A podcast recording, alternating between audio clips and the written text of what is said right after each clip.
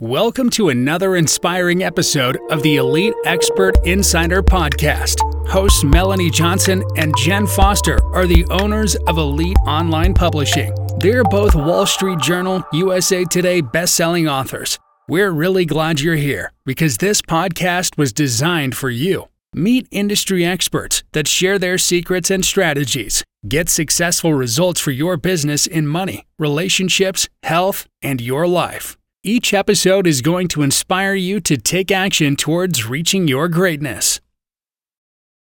Hey everyone, it's Jen Foster here with the Elite Expert Insider Podcast. We are missing Melanie Johnson today, but we have a really great guest here today for you. We have Nicole Tabs, and she is a serial entrepreneur, and we are really excited to interview her. She has built several multi million dollar companies from the ground up, and she has a million dollar brand and she is just going on fire. She actually just released a YouTube channel. So, Nicole, welcome. Thank you. Thank you so much for having me. Great. Well, tell us, Nicole, a little bit about how you got started in this and how you started building these multiple companies. Yes. So, I uh, Okay, so I can't come from a family of entrepreneurs as well, mainly my dad. Um, he is an incredible serial entrepreneur as well. And my dad is like my rock. So he inspired me, like, kept my inspiration throughout my life. And when I was younger, I would always go to the office with him and sit on his lap and like pretend to type on the computer so that, um, you know, that I could feel like I was like a business woman with him or something. Um, my mom also has several, uh, she's had several companies, and my stepmom as well. She like owned a beauty supply and she works with my dad. So I, have been surrounded by many entrepreneurs, which is awesome. And uh, my mom used to like uh, have this um, line for bath salts and soaps, and she would sell to resorts like the Ritz Carlton. And I would help her package them. And I, I just always wanted to work and help. So that was really cool. And then now my mom and I have our own film production company, uh, Serendipity Group, which you were uh, we were t- speaking about earlier. And uh, yeah, so that's what got me inspired. I would just see the people around me, and it made me want to like just keep going and go towards that. So um, the the life of social media started and i was like oh this is cool. And i started doing instagram and then i started growing my followers and i was like oh this is cool. And then people started reaching out to me and they wanted to give me some some swag you know and to promote. And back then it was just starting so everyone was figuring out the world of influencing. And uh, that, so that's where i actually like started with this concept of doing something online. I had a couple, I, I worked at a, a, job called Beverly Hills Weekly before, and I like sold ads over the phone, and that was like my summer jobs. That's so always that fun, cool. though, right? Call centers.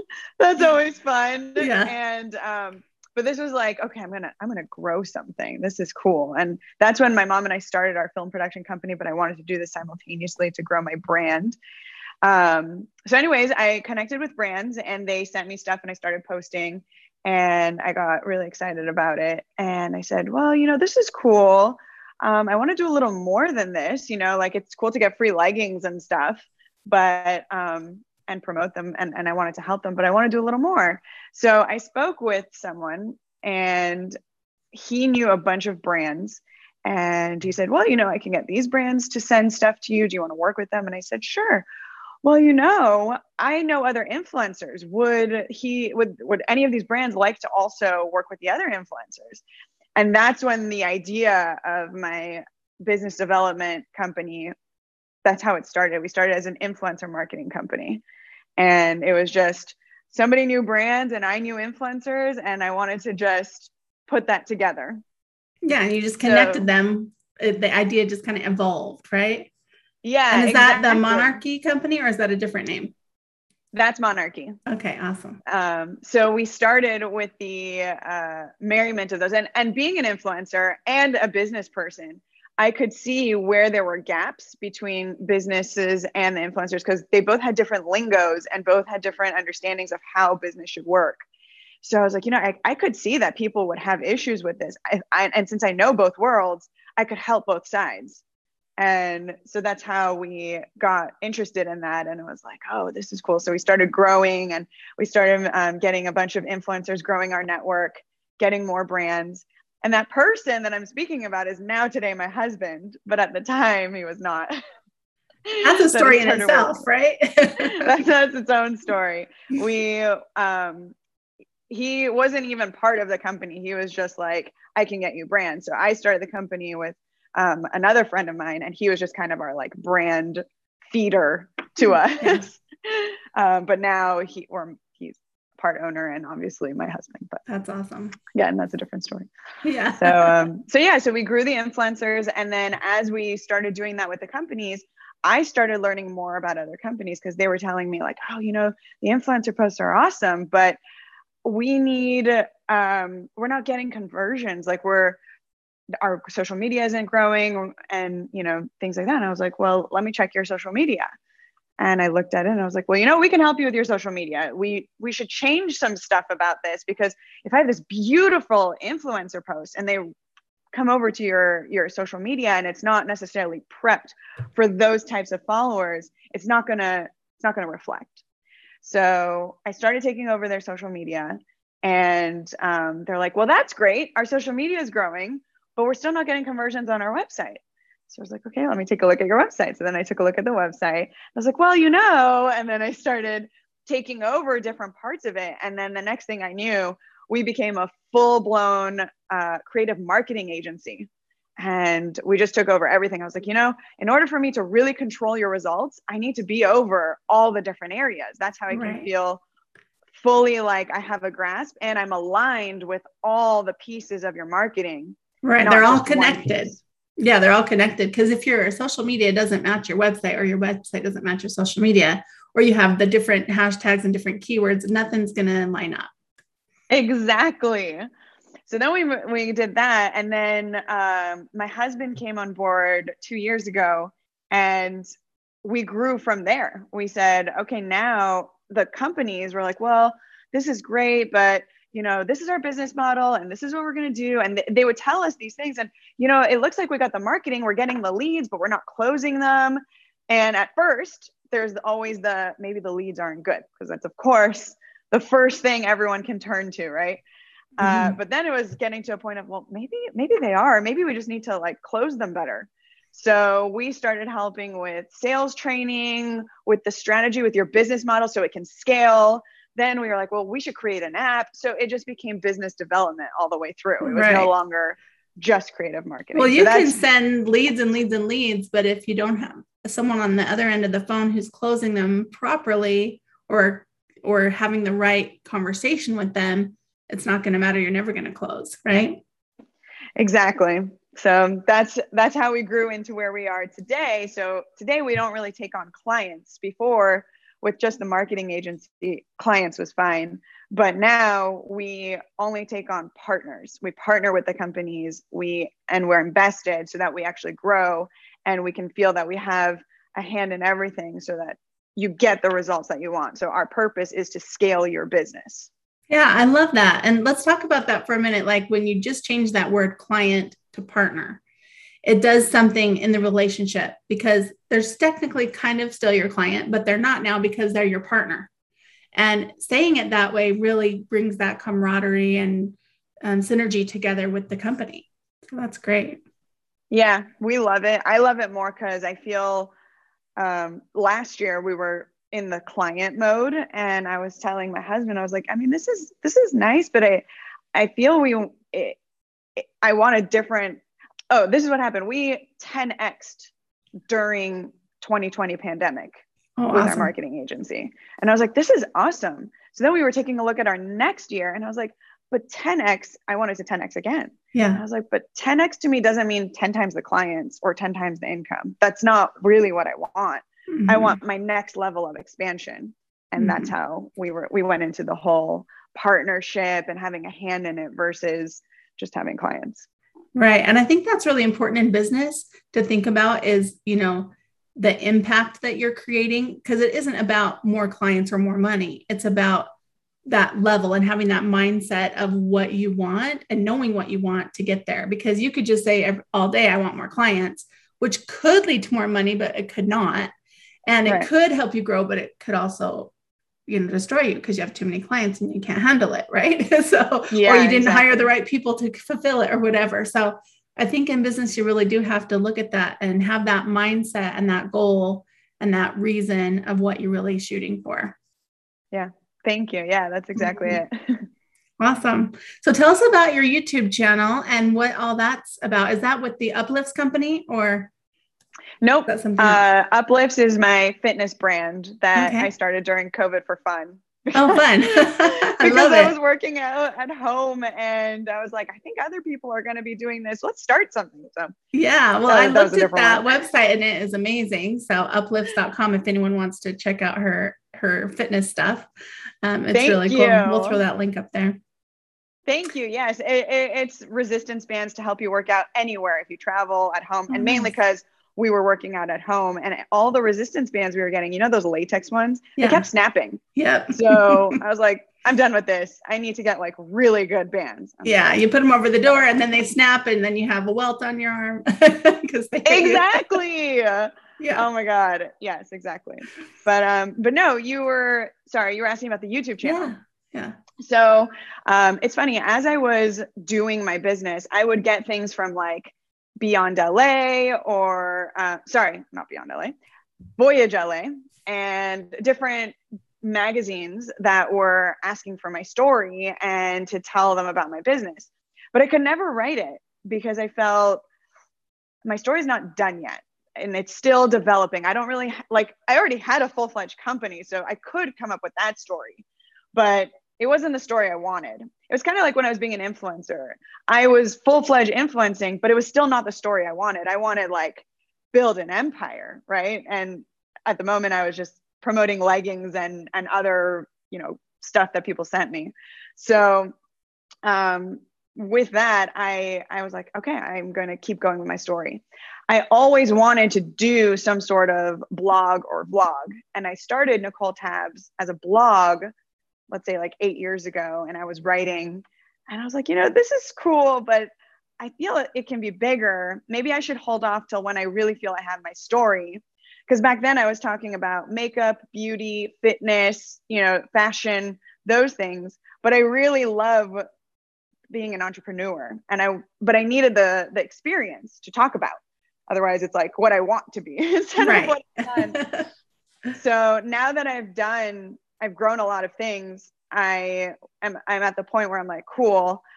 I want to make time for my YouTube channel so I can actually like share what's going on in video form since it's, you know, 2021 and that's what everybody watches. Yeah. And that's when I started uh, recording the videos, which itself takes a long time. Mm-hmm. And something I was saying was I always put paid clients first and paid jobs first. And so I never got to this, obviously. Right. But I was like, nope, I'm going to put what I want at this point as a priority as well. So I give my story as well as tips to how I became a serial entrepreneur, what I did.